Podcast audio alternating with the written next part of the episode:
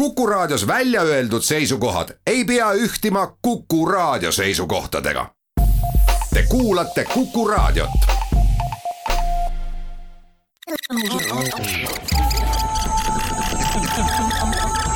digi, digi, digi, digitund, digitund. digitunni tulevikulahendused ja 5G toob sinuni Telia tere, head kuulajad, tere tulemast Digitundi kuulama. meil on käes kolmekümnes august ja kurvastusega tundub, et suvi hakkab läbi saama, aga rõõmuga kooliaasta algab, kellel veel mingi kokkupuude kooliga on. me räägime teile tänases saates tehnoloogia uudiseid, mis võib-olla puutuvad ka kooliga kokku, mis võib-olla ei puutu. Igatahes meid on siin kolm tänases saates, mina olen Hans Lõugas ja teine saatejuht on Henrik Roonemaika. Ja külas on meil Meelis Väljamäe Euronixist ja alustame täna saatet hoopis sellise teemaga, et Windows kümne järglane Windows üksteist on nüüd täitsa olemas.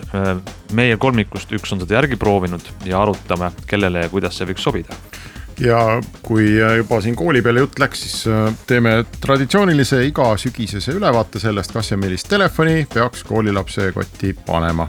Eesti ühe teleteenuse pakkuja uus digiboks on samuti meil nüüd oma käte vahelt siit läbi käinud vähemalt Henrikul ja arutame jällegi, kui vajalik, mõnus ja mugav on see, et vahetada vana lahendus uue vastu välja. ja ma arvan, meil jääb veel aega, et rääkida Huawei väga kihvti nimega Harmony äh, operatsioonisüsteemist ja sellest, kuidas nad plaanivad tulla nii telefonide kui ma ei tea, rösteritega tagasi turule ja, ja ilmselt jõuame ära vastata ka ühe kuulaja kirja.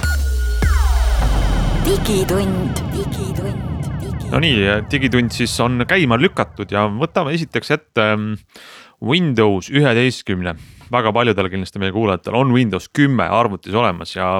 aga ühel, pidi... ühel on Windows üksteist see on Meelis, kes on meil. ja ühel stuudios. on see tõesti, ikka teistest ühe võrra ees. Meelis, kuidas sul õnnestus saada Windows üksteist juba oma arvutisse, alusta sellest äh, ma lugesin uudiseid ja Aha. nägin, et on saadaval äh, nii-öelda siis äh, arendajatele mõeldud eelvaate versioon ja ja registreerisin ennast, ma olin kunagi Windows kümnega samamoodi selles programmis sees ja läksin uuesti sinna lehele, mille nime ma praegu ei mäleta, Microsofti alamleht on see ja panin oma Microsofti konto andmed sinna ja peale selle lasi mul mõne aja pärast arvuti selle uuendust pakkus ja lasi installida ja nüüd ta on mul peal.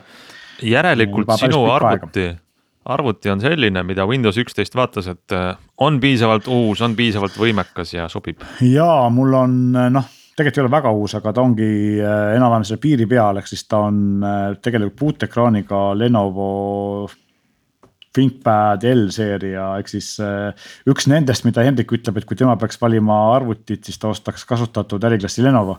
jah, et ma sinu arvutit mitte mingil juhul ei ostaks. Jah, et, et ühesõnaga sellist tüüpi, sellist tüüpi kasutatud vanem, veidi vanem Lenovo läpakas, aga see on kaheksanda põlvkonna. kas see L on mingi äriklassi Lenovo või, vabandust? L on selline odav, ta on teest, ta on teest allpool jah. aa okei okay,, vaat kui mina, mina veel noor olin, siis olid äh, Tõhid ja X-id jah, äh, ta X on, on pisike, tõh on suur ja, ja., ja siis äh, L on, äh, L on säästu, ütleme niimoodi. ja ma tähestikuga kandutasin kõrvale põhiteemast. ja, ja, ja väga põnev. aga lisaks on see, et ta on, ta on lisaks ka siis jooga, et ta on pöörav ja puutetundliku ekraaniga. aga see selleks, et tal on kaheksa põlv, kaheksanda põlvkonna protsessor, mis on see esimene, mida Microsoft ametlikult toetab, eks ole, et. ja, ja läks ilusti peale ja töötab ka, mina ei ole näinud ühtegi suuremat probleemi. aga ma tunnistan, et ma olen ka teda suhteliselt vähe kasutanud, et ma olen siin viimased paar nädalat puhka, puhanud ja tänu sellele ma olen üritanud olla arvutist eemal ja tööasju ma teen reeglina kas töö juures kontoris arvutiga või siis äh, oma suurema lauaarvutiga, mis on vähe võimsam.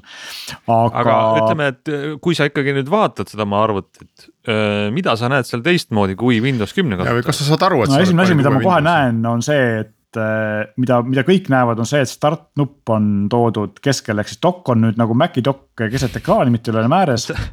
vales kohas täiesti ju. täiesti teise koha peal jah, ja kui sa väga tahad, sa saad selle start nupuga päris sinna vasakusse äärde tagasi panna, aga selleks peab natukene seadetest, seadeid näppima. et aga siis start nupp on äh, siis nagu sellise ekraani keskel kõige vasakpoolsem nupp kõigist äh, ekraani keskel olevatest nuppudest ja noh, põhiasi, mis installimisel silma torkab, ongi see, et Cortana ei seleta sulle enam, mida ta nüüd tegema hakkab. ehk siis Cortana on nagu noh, kas päris maha pole võetud, aga ta on ikka väga-väga tagasihoidlikuks muudetud. ja kui ma vajutan siia start nupule, siis äh, mis mul siit vastu vaatab, see on põhimõtteliselt äh, Linuxi GNOME kasutajaliidest versioon neli punkt null ehk siis äh, Ahaa. täpselt selle natukene võib-olla meenutab ka MacOS-i, aga ma ütleks, et ta on ikka väga-väga Linux, et väga gnomilik.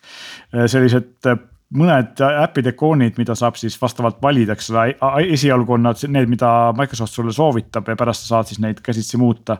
ja väike all on siis sinu kasutaja nimi, kus sa saad oma seadeid se- panna ja siis on lisaks äh, power nupp, kus sa sisse-välja lülitad, üleval on selline otsinguriba, kus, kus saad otsida oma dokumente ja äppe ja asju. ehk siis ma ütleks, et see on väga-väga Linuxlik minu arust. üldiselt äh, ma olen täiesti rahul, ma arvan, see on parem äh, start menüü, kui oli see live tile'idega variant, mida keegi kasutada ei tahtnud, eks ole. tegelikult ma just Ja- tahtsingi Meelis ko- korra vahele siin torgata, et Hans on meil ju Maci kasutaja, Hans ei tea start menüüst üldse midagi. ma ütleks, aga et, et siis Hansule see võib-olla meeldib, kuna ta meenutab üsna palju Maci Macis ei ole start menüüd. no just, aga, aga samamoodi on see nii-öelda selline mis iganes äpp, launcher Macis on, mida saad kuidagi ette On, võluda, eks ole, mingi, mingisuguse käsuga. sest ma võtan Pärast huvitav, mis ma tahtsin öelda, et, et mina kõigi nende aastate jooksul, mis ma olen Windowsi kasutanud, üha vähem kasutan start menüüd ja noh, ütleme. Nüüd ma arvan, paar aastat äh, ma, ma eksin sinna start menüüsse kord või kaks aastas. et kõik need minul programmid, mida niimoodi, ma kogu ma- aeg kasutan, on, on nagu kiirkäivitusega seal start Mhm. mm -hmm., start nupu kõrval all vasakul. ja ülejäänud on see, et kui ma vajutan klaviatuuril seda start klahvi ja trükin mingi programmi kolm esimest tähte, siis ta on juba mul Ma olemas, teen- ma teen sama asja, aga ma päris tihti ma olen pinninud sinna start menüüsse omale asju, mida, mis mul sinna kiirkäivitusmenüüsse ei mahu. ja siit me jõuamegi ühe asjani, mis mulle kohe üldse ei meeldi. On nimelt see, et kuna kõik ekraanid enamasti arvutitel kipuvad olema siiamaani kuusteist üheksad või äärmisel juhul kuusteist kümned hästi kitsad, siis äh, mina olen kasutanud äh, seda taskbar'i ehk seda alumist riba niimoodi, et ta mul mitte all, aga külje peal.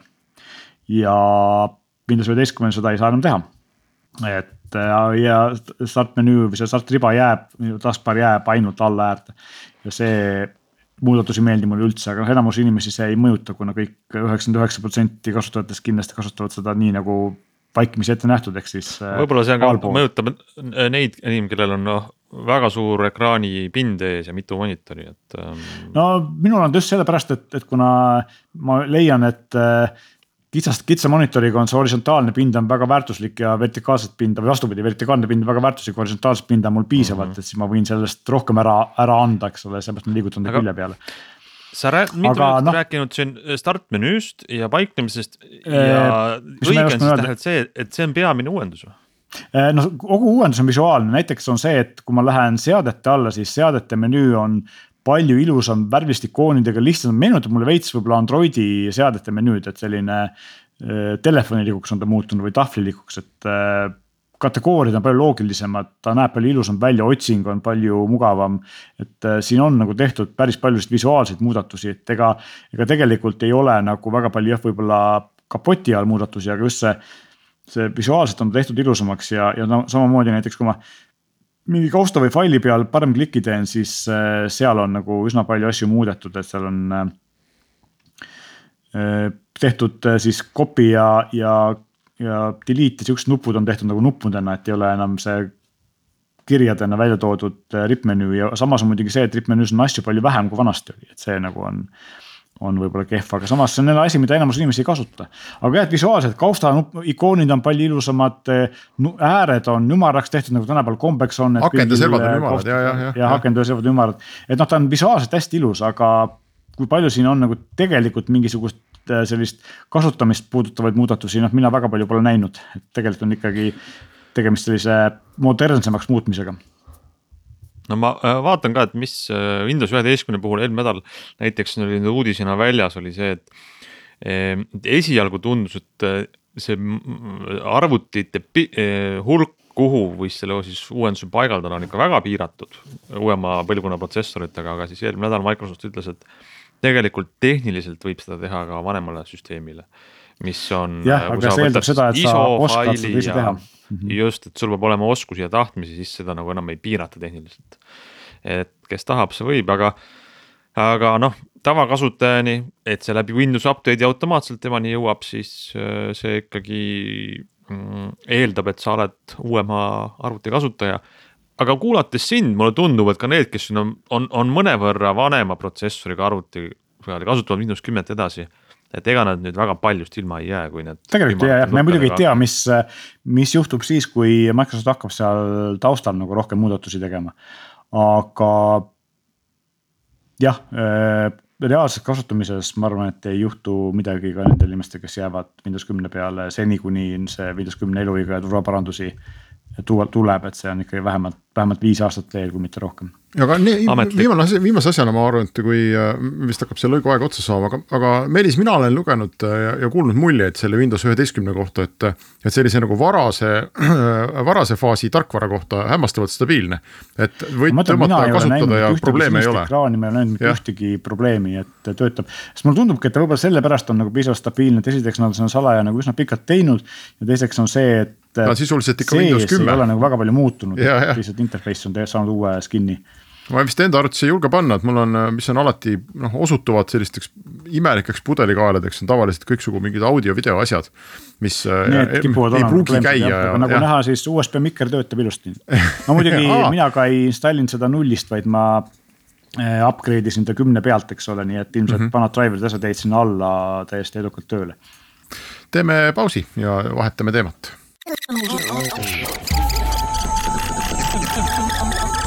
digitund, digitund. digitunni tulevikulahendused ja 5G toob sinuni Telia. digitund läheb edasi ja me lähme võib-olla natuke sihukese nõuanderubriigi juurde nüüd edasi. kooliaasta küll algab ja see tähendab, et võib-olla inimesed viimasel hetkel äh, leiavad, et neil on vaja võib-olla sellega seoses äh, osta uut tehnikat. mina sain lihtsalt ühe küsimuse siin nädala, eelmisel nädalal, et äh, neljasaja euro eest maksimaalselt tahaks uut telefoni, mis oleks Android, mida soovitada ja siis ma peegeldasin seda küsimust siin ka Meelisele, kes on meie saates täna ja jõudsimegi arusaamiseni, et äkki oskame anda mingit nõu, mis võiks olla äh, asjalik. kuna mingi meeletu ja... kiibi puudus on, siis ma mõtlesin, ma küsiks, võib-olla esimene küsimus peaks olema Meelis, et mida üldse saada on, et kas telefonide saadavusega on ka probleeme või see on, ei ole teema? telefoni saadavusega kohati on probleeme, aga see on hästi kaootiline, et vahepeal ei ole ja mm. siis jälle on, aga üldiselt okay. see ei ole olnud minu teada nii suureks probleemiks, kui vahepeal oli arvutite saadavusega. ja aga..., nii et kui me siin midagi nüüd täna välja reklaamime, et, et, et see on hea, et siis tõenäosus, et seda ka poest saab, on täitsa olemas jah, ma usun küll, et praegu tegelikult on, on ikkagi täiesti ja täiesti okei okay,. noh, lähme siis asja juurde, äh, samm, mis ma, ma hakkan nüüd, ma ei tea, ma pole süvenenud Meelise sellisesse ettevalmistustöösse. Lähme valge lehena, aga äh, ma no, ütleks Samsung. selles mõttes, et äh, kui me, kui me hakkame pihta nagu päris odavast otsast, siis mina jätkuvalt ei soovitaks odavaid või päris odavaid Samsungeid, et kui ma tahaks lapsele päris odavat telefoni, siis ma pigem vaataks mõnda Xiaomi't, sest et või, või Redmi't, mida küll meie valikus ei ole, aga mis on nagu konkurent Oppo poolne siis. mitte Redmi'd, vaid äh, Realme'd, aga. no aga kuule, sa ütlesid Redmi, sest tegelikult no juba. Redmi ongi Xiaomi, Xiaomi säästubränd, jah, need on nii sarnased, nad hiinlased teevad ju niimoodi, et, et muudavad ühte tähte ja siis on, on konkureeriv bränd olemas. aga. aga mis neid mudeleid iseloomustab, et nad on odavad, nad on eh, tegelikult selle hinnaga suhteliselt hea ekraan suhteliselt Just. oma hinna kohta. Eh, kaamera on talutav, aga mitte hea, sest sa ei saa, sest lihtsalt ei saa väga head kaamerat, et näiteks noh, Redmi üheksa T, eks ole, ja. ja on või, või Redmi Note üheksa, mis on äh, siin sada kolmkümmend üheksa eurot. ühte asja ma ütleks küll, et mina ei julgeks tegelikult soovitada, see on Redmi Note üheksa on samamoodi, et tal on kuuskümmend neli giga sisemälu, mis on nagu okei okay,, aga. aga kolm giga RAM-i, mida võib jääda väheks, et ma pigem vaataks, et oleks vähemalt neli giga RAM-i ja näiteks esimene selline on Redmi üheksa T, mis maksab sada viiskümmend eurot, eks ole, et. et see võiks olla juba, juba selline, mis natukene ka ei kesta sul aasta või, või pool aastat, vaid, või natuke rohkem. ja järgmine asi, millel on märgatavalt parem kaamera, on Redmi Note kümme 5G, mis on äh, samuti suur viie tuhande milliamprine aku, mis võib-olla koolis kasutuseks on nagu vajalik, see on kakssada kakskümmend, eks ole. mitte koolis, aga ma võin oma kogemust öelda pärast kooli kasutamiseks, kui kõik Just need äh, nutitelefoniga tüübid kogunevad kokku mingisuguseid asju mängima. just nimelt, selle, selle selle alternatiiviks on Poco X3, mis on kaks viis üheksa ja siis edasi tegelikult lähebki juba, juba sinna, kus on äh, Xiaomi Mi kümme T ja Poco F3 ehk siis neljasaja euro kanti, mis nelisada oligi see piir, eks ole, millest me siin rääkisime. sest Poco F3-l on tegelikult ju kaheksa grammi, kaks viis kuus sisemälu ja, ja kõige kangem protsessor, mis nagu praegu olemas on praktiliselt või noh, kaheksasada seitsekümmend, et äh, Qualcomm'i kaheksasada seitsekümmend, kaheksa, kaheksa, kaheksa on tegelikult kõige uuem, aga ta on praktiliselt sealsamas, et ta on tippklassi andmetega telefon neljasaja euroga. kaamera on ainuke asi, mis ei ole nagu ütleme siin kuuesaja või tuhande eurose telefoni vääriline, kõik muud andmed on täiesti, täiesti suurepärased. kuidas sa sellesse ja... Pocofooni suhtud, ta ei ole selle suur bränd ja tuntud nimi, aga. no ta on ikkagi Xiaomi, eks ole, et selles mõttes ta on suur bränd ja ta on ju tegelikult väga hea pakkumine selle raha eest. just nimelt, ta on ikkagi hinna ja omaduste suhtelt ikkagi suurepärane ja muideks siinkohal pean ütlema seda, et ärge ostke saja kahekümne kaheksa gigabaidise sisemäluga varianti, vaid ostke kaks viis kuus. sellepärast, et poole suurem mälu tähendab ka kiiremat mälu ja seda, et see mälu kestab kauem, kuna SSD-l teatavasti või üldse sellisel flash mälul on see, et mida suurem ta on, seda vähem kirjutatakse plokke üle ja seda kauem see teoreetiliselt kestab. aga miks ma seda ütlen, on see, et hinnavahe on kakskümmend eurot. kolm, seitse, üheksa versus kolm, üheksa, üheksa, ehk siis see hinnavahe on piisavalt väike, kui sinna vahe oleks sada eurot või isegi viiskümmend, siis võiks mõelda. aga kahekümne euro puhul ei tasu mõelda, tasub, tasub võtta see kallim variant. ja, ja tegelikult sinna kõrvale ongi muidugi esimene Samsung, mis nagu mulle endale väga meeldib, on Galaxy A52, millel on väga hea kaamera, mis on minu teada, kui mälu mind ei peta, veekindel ja ja ta peaks jääma samuti, ma kohe otsin ta siit üles. on küll A52 veekindel just jah, peaks jääma sinna neljasaja euro piiresse, eks ole, nii et. Ähm, et see on nagu selline esimene Samsung, mis on tõsiselt, pakub konkurentsi siin hiinlastele ja on mõnede asjade poolest äh, märgatavalt parem. noh, loomulikult me võime siin rääkida sellest, et Samsungi teenindus ja, ja siin Eesti pool kohalik tugi on kindlasti parem kui Xiaomi'l, aga. aga see, see muutub oluliseks siis, kui temaga tõesti midagi juhtub, eks ole, et, et. Meelis, aga ma küsin niipidi, äh, me oleme nii. needsamad nimed, eks ole, mida sa siin välja tõid. Mm, need nii-öelda oda, odavama otsa Hiina telefonid, need on tegelikult aastaid meil figureerinud äh, noh, nii poodides kui ka meie saates on ju, igasugustes Just. testides. kas seal on mingit nagu liikumist või arengut toimunud, kas nad on läinud väga läinud. palju paremaks? Või, või ekraanid. kaamerad on paremaks läinud ja teine asi on see, et ekraanid lähevad järjest paremaks, et noh, nemad olid esimesed, kes tõid suhteliselt odavasse hinnaklassi üheksakümne, saja kahekümne hertsised ekraanid mm. -hmm. ja samuti eh, ka odavamas otsas hakkab järjest rohkem eh, LCD vahetuma AMOLED-i vastu, ehk siis eh, tegelikult Isegi, parema okay. kontrastiga ekraanid. eks need on need kaks asja, mis on muutunud jah aga nad istuvad äh, protsessorite mõttes on ka Mediateki peal endiselt või mida nad kasutavad? enamasti, enamasti istuvad ikkagi äh, Qualcomm'i peal aa, juba ka, näed, siis on ju täitsa ja. ikkagi. tegelikult see muudatus, see muudatus hakkab siin tulema nimelt, eh, mis on, milles on nagu point on tegelikult selles, et äh, äge populaarne sõna on 5G ja, ja 5G-d kõik üritavad reklaamida, eriti siis, kui ta ei ole saja viiekümne eurone hinnaklass, vaid kui ta on selline noh, ma ütleks kolmesaja, neljasaja eurone hinnaklass, siis kõik üritavad sinna ikkagi teha 5G telefone ja, ja siis juhtub see, et et äh, lihtsalt äh, MediaTekil ei olnud 5G protsessoreid. Äh, Qualcommil oli selles põhimõtteliselt monopol, nüüd on MediaTeki Dimensity sari hakanud vaikselt nagu tekkima ja, ja neid tuleb, aga, aga üldiselt ma arvan, et see, me näeme rohkem MediaTeki protsessoriga odava otsa telefone pigem siin uue aasta algus või selle aasta lõpus, et praegu on päris palju on ikkagi, ikkagi Qualcomm'i prosaga, ma korra vaatan, mis Redmi Note üheksa on, sest ma tõesti peast ei mäleta.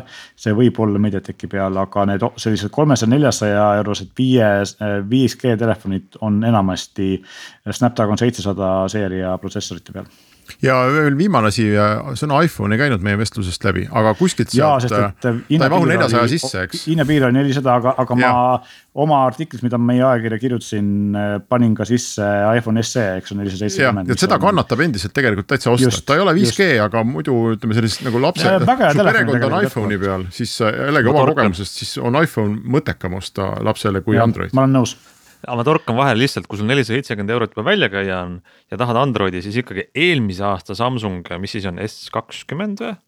Äh, on veel jätkuvalt päris kallis, aga mina ütleks, et äh, S kakskümmend FE, mis on siis äh, see fan edition, mis on veidi alla viiesaja.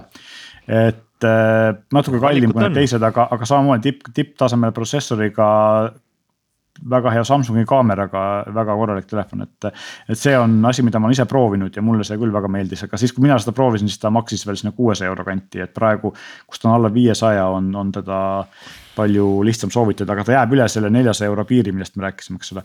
ja ma ütlen siia vahele, et see saja viiekümne eurone Redmi Note üheksa on siis jah, MediaTek Helio G kaheksakümne viiega ehk siis mitte Qualcomm'i protsessoriga, sest ta ei ole 5G telefon, et on sada viiskümmend eurot, et seal otsas ikkagi MediaTek on veel nagu teema. Selge, lähme siit meie pausile.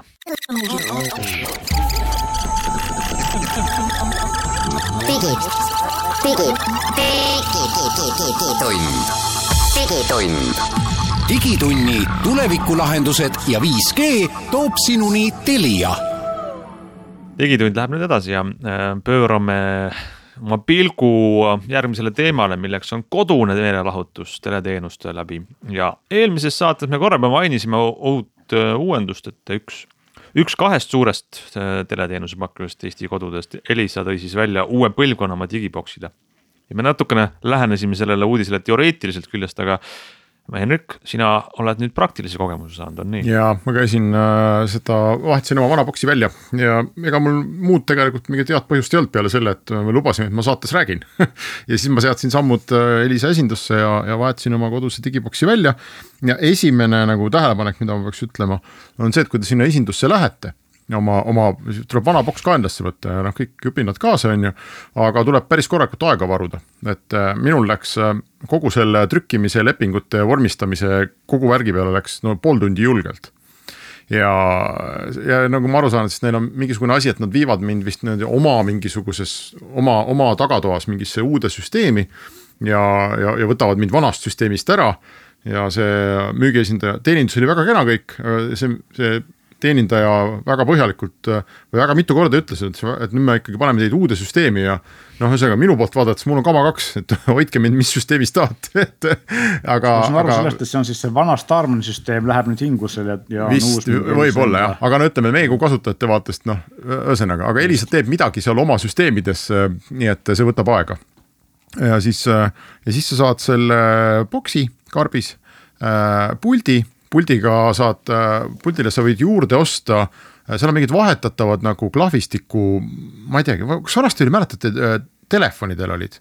et sa said nagu ja. neid klaviatuuri aluseid, mingit, ma ei tea, seda korpuse osa nagu vahetada, mingit üht värvi ja teist värvi ja, ja neil oli veel mingi tekstiiliga variant ja noh terve ports pandi mulle neid sinna leti peale. Need olid vist mõni euro tükk, et kes tahab, siis saab personaliseerida oma Elisa uue puldi. aga muidu see boks on tõesti hästi väike Äh, selline ümmargune. HDMI äh, on küljes äh, ja väga hea pult on, see pult on tõesti kuidagi noh, mõnus kohe nagu hoida ja Thomsoni boks on mitte, et see väga oluline oleks, aga noh, olgu ta siis öeldud. no mis on veel huvitav, et see on see äh, ikkagi nagu antennikaabli pesa on ka boksi küljes. mida mm. ma ei tea, kas Meelis, sina tead, kas tihti kohtab Android tv bokside küljes, et kui sul tuleb Pole see vana ümmarguse koaksikaabliga näiteks mingi kaabeltele, et põhimõtteliselt saad sinna külge panna selle. no ilmselt on ikka palju kliente veel on kodus, kellel on, on koaksiaalkaabli peal. või teine asi, et nii palju kui ma aru sain, sinna nagu... saab külge panna ka selle üle õhu äh, nii-öelda noh, katusantenni. ehk mm. et äh, siis, kui sa elad näiteks kohas, kus sul ei ole interneti püsiühendust, on ju maal äh,. siis sa võid äh, vaadata neid üle õhu tulevaid kanaleid üle õhu ja sa ei hoia oma, oma seda 4G-d näiteks kinni. siis kui järelvaatamisest seda, et Elisa otsis sellise lahenduse, mis on siis äh, nii-öelda kõigi nende erinevate äh, teleri, televisiooni signaali edastamise viiside jaoks üks sama boks, eks ole, ehk siis ei ole. jah, võib-olla küll jah, ja ma, ma arvan, et see, see tundub igati nagu noh, mõnus boks, et on 4K HDR ja kõik, kõik need sõnad. aga huvitav on see, et ega noh, ütleme 4K HDR mingit Dolby sisu sa sealt boksist ju naljalt ei leia sest okay, äh, see boks ka ise, ma uurin, et ta näiteks, ta ei, Elisa inimestega rääkisin, et see boks ise ei töötle pilti, ta ei upscale'i näiteks, et, et ta edastab ikkagi sedasama pilti, mis noh, telejaamad annavad talle ja, ja ka järelvaatamise puhul, et noh, autentset või sellist originaal 4G sisu saab ainult põhimõtteliselt ainult Youtube'ist või, või, või, Netflix, Netflix tõenäoliselt annab ka, on ju. aga noh, Eestis sisu ei ole jõuda, et, et kas ma saan õigesti aru, et tegemist on nagu sellise klassikalise äh, Android TV box'iga, kuhu on siis Elisa äpp juurde pandud ja sinna saab installida Play Store'ist kõiki, mida sa tahad, kogu meedia sisu? jah, põhimõtteliselt äh, küll, aga kuna ta on see nii-öelda Elisa digibox, siis kui sa ta lahti teed, siis tema äh, Äh, noh, vaikimise vaade ongi see Elisa keskkond, eks ole mm, -hmm. et ma ei tea, kuidas nad noh, kas see on niimoodi ongi lahendatud, et see Elisa äpp äh, auto run itakse kui sa boksi käima paned, et pannakse see Elisa äpp automaatselt käima. aga sinu see tavapärane vaade on, on see Elisa vaade. no kõlab äh, loogiliselt iseenesest. jah, jah, et kui sa põhimõtteliselt sa võid minna poodi, osta mõne muu suvalise Android tv boksi ja tõmmata selle Elisa äpi peale ja see näeb täpselt samasugune välja aga mm -hmm. selle vahega, et sa tõenäoliselt pead seda seal ise siis käivitama. ja mis on veel huvitav, on see, et kui sa võtad Elisa boksi, siis nad äh, ühendavad selle boksi seerianumbri kuskil oma süsteemides jälle. ühendavad siis sinu kasutajakontoga, ehk et sa ei pea kuhugi sisse logima äh, kui sa Elisa nii-öelda tv-teenust tahad vaadata, paned boksi käima, boks teab, et aa, see oled sina. kui sa ostad mingi, mingi muu boksi, siis, äh, siis sul on oma meiliaadress ja parool, et pead sisse logima, et see, selline väike asi ka. ja muidu nagu kõik toimib, mis oli huvitav ja ma, ma ei äh,, ei teagi, kuidas seda nagu täpsemalt veel lahendada, kuna ta on Android TV box siis äh, mul tekkis küsimus, et aga kelle konto, noh, et sa ei pea oma, oma selle Google'i kontoga sinna sisse logima, kui sa ei taha. Elisa äppi Elisa sisu sa saad niikuinii tarbida, on ju. aga kui sa tahad sealt Play poest midagi tõmmata, et siis nagu peaks logima ja siis ma mõtlesin, et aga kelle pagana kontoga ma sinna login, et kas ma tõesti login nagu oma Gmailiga. ma ei tea, mul on seal mingid äpid, aga samas ülejäänud perekond ka nagu vaatab, kas seal tekivad mingid algoritmi mingisugused teemad, et Youtube hakkab näiteks noh serveeritakse minu Youtube'i kogu perele ja lapsed hakkavad multikaid vaatama ja Youtube arvab, et ma tahan ka multikaid vaadata, mida ma ei taha, on ju hiljem, kui ma oma telefonist näiteks Youtube'i lahti teen. aga, aga samas siin on ju see, et kui sa nagunii kasutad Android TV-d, juhul kui sa kasutad, siis seal on ju sama asi, et kui sa logid sinna oma kontoga sisse, siis noh, Youtube'il saab muidugi teha ka erinevad kasutajakontod eraldi, aga. aga põhimõtteliselt see probleem on ju mitte ainult Elisa box'i põhine, vaid igasuguse Android TV box'iga sel juhul ja ongi muidugi, et, äh, et see, see ei ole nagu kuidagi Elisa tehtud probleem, aga see oli just huvitav asi, millele ma ei olnud varem mõeldud, et peaks tegema mingisugune nagu perekond Roonemaa, et äh, gmail.com aadressi või mingi sellise. aga tundub, et see on vist lahendus, sest tegelikult täpselt see, mida sa kirjeldad, on noh ka Android teleka omaniku häda, nagu ma olen, et kui sa ühe kontoga sinna sisse logid, siis see reostatakse ära erinevate nagu eelistuste poolt. Ja ja muud lahendust ei ole, tuleb teha just selline virtuaalne pereliige, kes on nagu... ühine seade mm. -hmm. ja näiteks ma tean, et Amazonil ja, ja või tähendab Prime'il ja Netflixil on ju see, et kui sa sinna äppi sisse ronid, siis ta küsib kõigepealt, kes see kasutaja on, eks ole, et see on see. Netflixil ka profiil on ju, et kes vaatab aga see ei ole mingi garantii, et mina oma isikliku, noh, minu jaoks on see Youtube'i algoritmi arusaam minust on väga tähtis. Sest ma tarbin hästi palju Youtube'i ja ma tahan, et, et Youtube teaks, mida mulle pakkuda. et, et ta noh, et ma ei solgi seda nii-öelda või ei riku seda ära, eks ole Äh, teiste inimeste eelistustega. Äh, aga muidu äh, see boks on, boksi kasutamine on kiire. Ähm, minu meelest on kõik nagu lihtne, ma ei tea, mul lapsed võtsid lennult kõik omaks, ei olnud mingeid probleeme. ja, ja mis, aga noh, mõned asjad ma nagu tooks välja, et, et puldi peal ei ole neid play, pause ja kerimise nuppe mis näiteks vanal boksil oli.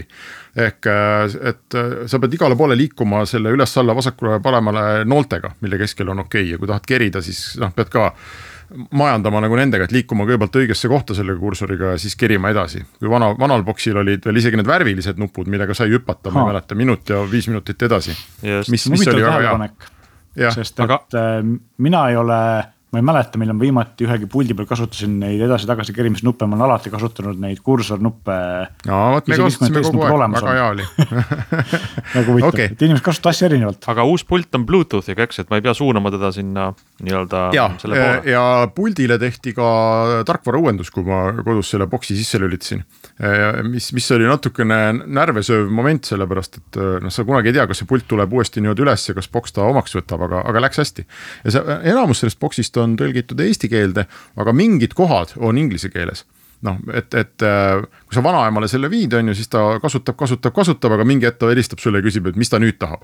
näiteks seesama puldi tarkvara uuendus, see oli sada protsenti kõik ingliskeelne. et nagu ma aru saan, siis Elisa ei ole umbes sinna jõudnud veel, et, et et seda tõlkida, aga noh, loodetavasti see ka kunagi no, nagu laheneb. mulle tundub sind kuulates, et äh, ikkagi selle uue põlvkonna puldi, vabandust, kogu digiboksi teema nagu. minu hind on see, kui ma olen olemasolev klient, siis ma pean minema jalgsi kõndima mm -hmm. või noh, sisenema sinna teenindusse, et ma ei saa seda kuidagi tellida endale ja, ja võib-olla isegi pool tundi istuma seal. aga kas see on ka seda ja. väärt? Eh, no vot, see ongi see, et äh, ma ei tea, kaua, tegelikult see on hea küsimus, et kaua Elisa oma seda vana infrastruktuuri äh, jooksutab, on ju, aga ma arvan, et jooksutab tegelikult... teine asi, ma saan nüüd kasutada, kui mulle ei meeldi näiteks Elisa netiühenduse hind miskil põhjusel siis ma saan nüüd ta siduda netiühendusest ju, noh, ta on lahti seotud, et ta töötab ükskõik kelle ühenduse otsas. Ehm, küll aga on no, huvitav see, et kui ma, mis seal oli, vist oli, boksi sai siis nagu järelmaksuga võtta või rendile võtta. Ja järelmaksuga oli äkki paar eurot kuus võib-olla natuke valetan ja, ja rendile võttes oli poole rohkem, äkki oli mingi neli midagi äh, kuu, boksi nagu kuumakse. et see on see koht, kus võiks arvutama hakata. oleks jah. jah, võib-olla, aga see on see koht, kus peaks nagu arvutama ja, ja, ja küsima, et aga, et kas ma üldse tahan seda boksi, sest kui ikkagi mu teler võimaldab seda äppi hakata kasutama ühel hetkel, on ju et teatud teleritel ta noh, äpina on täna olemas juba ja teistele siis äkki sügise jooksul jõuab et siis noh, see tundub nagu hea koht, kust neli eurot kokku hoida. ja siin on äh, jällegi see koht, kus ma tahaks öelda, et äh, lugupeetud Telia, et andke mulle palun äpp nüüd Android TV-le ja Apple TV-le ja nii edasi, sest et ometigi teil on olemas äh, telefonide ja tahvlite jaoks äpp, et tehke see liigutus ära, pange sinna see baaride koodi juurde, et tulge, tulge kahekümne esimesse sajandisse. Ja Apple TV osas vist ei liiguta ennast üldse keegi, ma olen aru saanud, et see, see, see ei ole Eestis isegi radaril nendel, ma arvan see ei ole nüüd mingi tsitaat, aga äh, ma ei ole näinud äh, küll nagu, mingit. kõik, kõik äh, nad ise ju väidavad seda siis nii Apple kui Google, et nad on teinud nii-öelda teleri interface'ile asjade arendamise võimalikult lihtsaks, kui sul on juba telefoni äpp olemas, et siis ta ei tohiks väga keeruline olla. ma praegu nüüd vaatan Eesti Rahvusringhäälingu Jupiteri äpp on Apple TV jaoks olemas. jah, see vist on uus ainus. ma ei tea, kas need Go3-d ja need Apollod on või ei ole, et see, sinna maailma ma ei ole veel jõudnud vot, aga ühesõnaga kannatab kasutada, on parem kui eelmine, äh, on ilusam, pult on parem, äh, on väga palju mitmekülgsem, sest sa saad neid Androidi äppe sinna igasuguseid, kaasa arvatud ETV ja, ja kõik muud on ju, mis seal olemas on. ja ma ei tea, Netflixid ja, ja mida iganes sa tahad, Youtube ja Spotify ja nii edasi. et äh, täitsa, minu meelest täitsa nagu korralik töö ja etteheita midagi ei ole, sest iseküsimus on nagu see, et kas sul on seda boksi kujul vaja aga ma arvan, et sellest mina räägin siis, kui see nutiteleri äpp minu telerile välja tuleb. no ma pigem, mulle meeldibki just see, et, et kuna nüüd on nagu Android TV lahendus olemas, siis kui mul on Androidiga teler või, või mingi boks olemas, siis ma saan selle äpi installida, mul ei ole vaja seda boksi võtta, eks ole. jah, teeme pausi vist ja siis lähme edasi.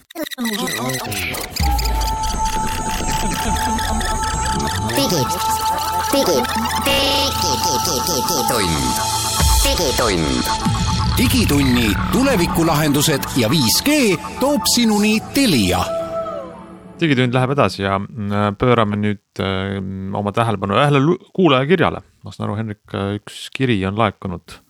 mis tegelikult räägib meil ka internetiühendusest äh, ja kirjutab inimene, kasutan maal Elisa läbi õhu internetiteenust, sest kaabel meie majani ei tule, tõenäoliselt ei tule kunagi linnas aga kasutab kaabliga Telia teenust ja, ja nüüd tal on mure, et ta noh, tema vaatest ta kasutab ju ühte internetti, et kui ta on linnas, siis ta kasutab internetti.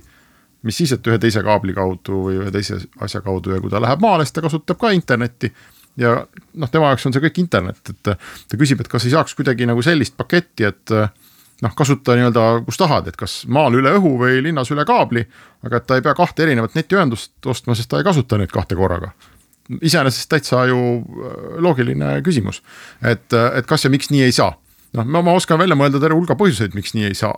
Aga, aga, aga see ei tähenda, et ei võiks saada. noh, kaasa arvatud see, et üks põhjus võib olla, et kui äh, ma ei tea, sa lähed ise maale, aga lapsed jäävad koju või midagi sellist, et siis kasutatakse mõlemal pool, et noh, et kas siis on õigus nagu öelda sulle operaatorile, et aga ma tahan ühe hinnaga seda saada jah, no üks lahendus on see, mis tegelikult ei ole, mida, mida inimene otsib, aga lahendus on see, et sa peatad ühe teenuse, kui sa siis ütleme, elad kahes kohas, on ju, lähed ühest kohast ära suveks. saab peatada niimoodi, et paar kuud arved ei tule ja siis jällegi jätkad, aga äh, muidugi mõistlikum on tegelikult ju see, kui sul oleks äh, üks teenus, mida sa kasutad äh, mitmes kohas, aga siin tekib see küsimus, et, et ilmselt on nagu need taristud on erinevad, ühes kohas on, on sul äh, nii-öelda kaabliga piiramatu püsiühendus ja teises on jällegi üle õhu piiratud mahuga püsiühendus. jah, see võib muidugi olla, et operaator võib sulle ju äh,, võiks nagu teha pakkumise, et ahah, et kui sa võtad näiteks meie, ma ei tea äh,, mitte kõige odavama paketi, noh, ma ei tea, võtad sada, sada paketti linna äh,. et siis äh, saad äh,, ma ei tea, viiskümmend giga SIM-kaardi mingi poole hinnaga või noh, mingid sellised äh, pakette õnnestub tõenäoliselt välja mõelda, aga eh, noh, pigem on see operaatorite jaoks selline siis äriline küsimus, et kas nad peaks, peaks või ei peaks seda tegema. ma, ma ei tea, kas mujal maailmas, no maailm on suur, küllap on selliseid diile, aga Eestis ma küll ei mäleta, et oleks üldse olnudki. või võib-olla on olnud, ma ei tea, Meelis, mis, mis sina kogenud internetikasutaja sellest arvad? nagu ei tundu olevat jah, sest et eh, noh, mina näen ainuke lahendus, mis on väga ebamugav lahendus, on see, et võtta mingisugune äh, kõnekaart ja sinna netipakett suveks, eks ole, aga, aga tegelikult ähm, jah, kuna Telia teeb nagu seda, et ta saab, laseb jagada ähm, teleteenust, eks ole, erinevate koht, kohtade vahel, et sul on nagu vanematel sama, sama arve peal sama, sama paketti jagada, mitu vaatekohta, siis tegelikult võiks ju nad arendada ka mingisuguse sellise lahenduse, et ongi Äh, ma ei tea, kasvõi mingi pakett selline, kus on siis äh, kaabel pluss äh, õhk ja sa asud selle õhu küljes ükskõik kus kohas, eks ole mm. -hmm. Elisal on nüüd ka mitu vaatajakohta sellesama hinna sees, et, et noh, nad ise muide rääkisid veel eelmise jutu jätkuks, et ongi, et sa võid boksi ühte kohta võtta, aga näiteks lastetuppa panna äpi noh, sinna ja. telerisse, et, et, et see äpi ja boksi nagu vahekord lisab ka paindlikkust. aga ühesõnaga, ma arvan, me ei saa seda kuulajat aidata, kui äh, operaatorid just oma suures võitluses ei tule mingi sellise paketiga välja. ja kui mõni operaator arvab, et tal on äh, selline asi olemas ja me ei tea sellest, võib ühendust võtta ja me räägime sellest ja muide, peatada saab neid äh, su, äh, su, nii-öelda suviseid äh, SIM-kaarte väga hästi, vähemasti mina Elisas olen peatanud küll igaks talveks äh, kevadeni ja, ja ma vist maksan ma ei mäleta, kas see ei maksa üldse midagi või maksab mingi sümboolse summa, see, see peatamine. see peatamine ongi see, et ja vastupidi ka, et kui oled siis kasutad näiteks suvisel ajal ühes kohas, siis äh, peatad linnas, kui oled pikemat aega ära, et, et see on ka võimalik, nii et. aga see on muidugi nõme, kui sa korra linna tuled, siis sul on äh, yeah. igavene häda, eks, et, et see pigem on siis. see ei lahenda äh, seda muret jah. ja, ja no vot. Ähm, kas me jõuame saate lõpus rääkida ka harmooniast? ei jõua, jõuame järgmises saates, see ongi põhjus kuulata meid nädala pärast, jah ahaa, just nii, siis ja, mis on harmoonia, kui hea see on? Huawei'st räägime siis järgmises äh, saates ja saab vastuse küsimusele, et äh, kui Huawei peaks tulema oma telefone uuesti nüüd reklaamima ja ütlema, et neil on kõik uus, parem ja teistmoodi, et äh, et kas sealt on nende tagasitulekut paista või ei ole.